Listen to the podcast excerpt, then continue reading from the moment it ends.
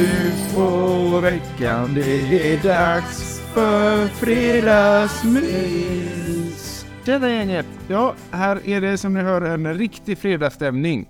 Hoppas att ni har det bra hos er också. Är du redo för ett nytt avsnitt Abbe? Jajamän, jag har aldrig varit mer redo än vad jag är nu. Jag slår på Aida så får hon vara med på det här trevliga också.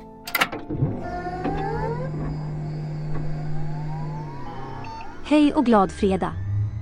Vet ni en sak? Idag är det baljväxtens dag. Jag ska berätta en kul grej som jag har lärt mig om jordnötter. Det är nämligen så att jordnöten faktiskt inte är någon nöt. Jordnötter är baljväxter. Ganska knäppt va? Så om ni träffar en jordnöt idag så får ni säga grattis på baljväxtens dag.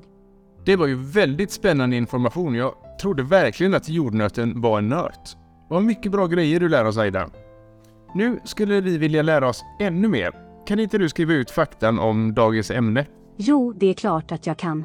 Här kommer dagens fakta. Idag handlar det om skateboard.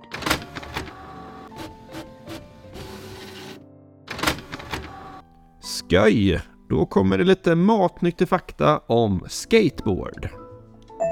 Man började åka skateboard på 1950-talet i Kalifornien, USA. De första skateboardarna som tillverkades eh, gjordes genom att fästa rullskridskohjul på en träbit. Skateboard är ett roligt sätt att träna och för att förbättra sin balans.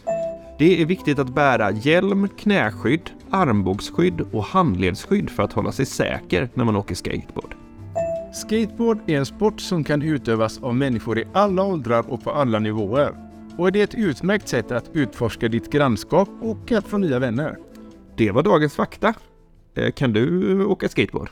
Nej, jag är faktiskt inte så duktig på det. Men jag borde kanske öva för det ser faktiskt ganska roligt ut. Ja, en annan sak som ser roligt ut är ju vår lilla önskelåda.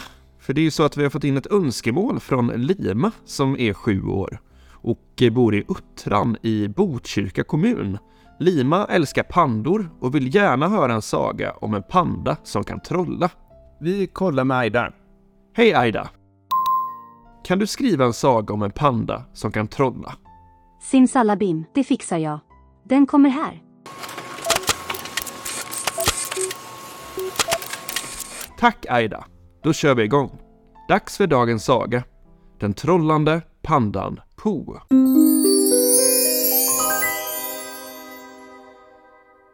Pandan Po bodde djupt inne i Kinas bambuskogar och var en nyfiken och äventyrlig ung panda som älskade att utforska skogen och upptäcka nya saker.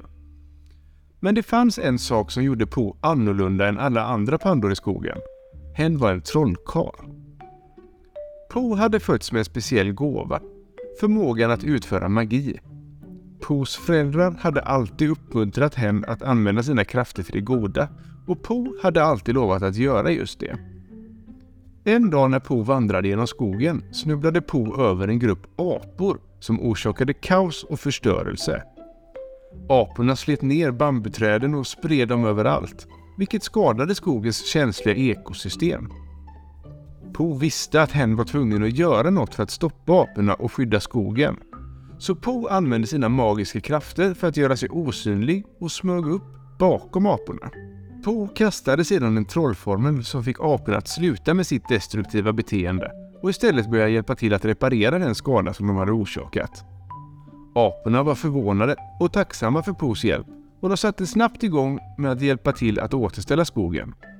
Pos magi hade räddat dagen och skogen var återigen fridfull.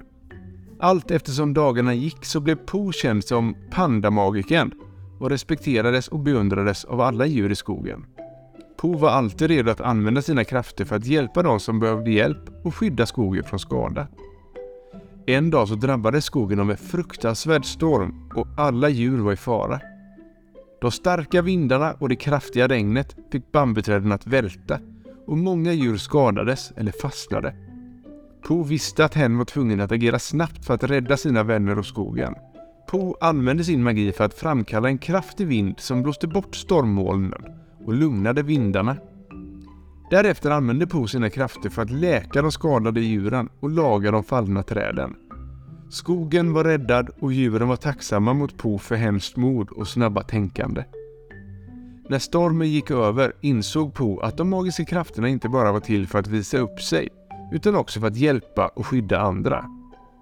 Med den insikten så fortsatte Po att använda sin magi för det goda och göra skogen till en bättre plats för alla som bodde där.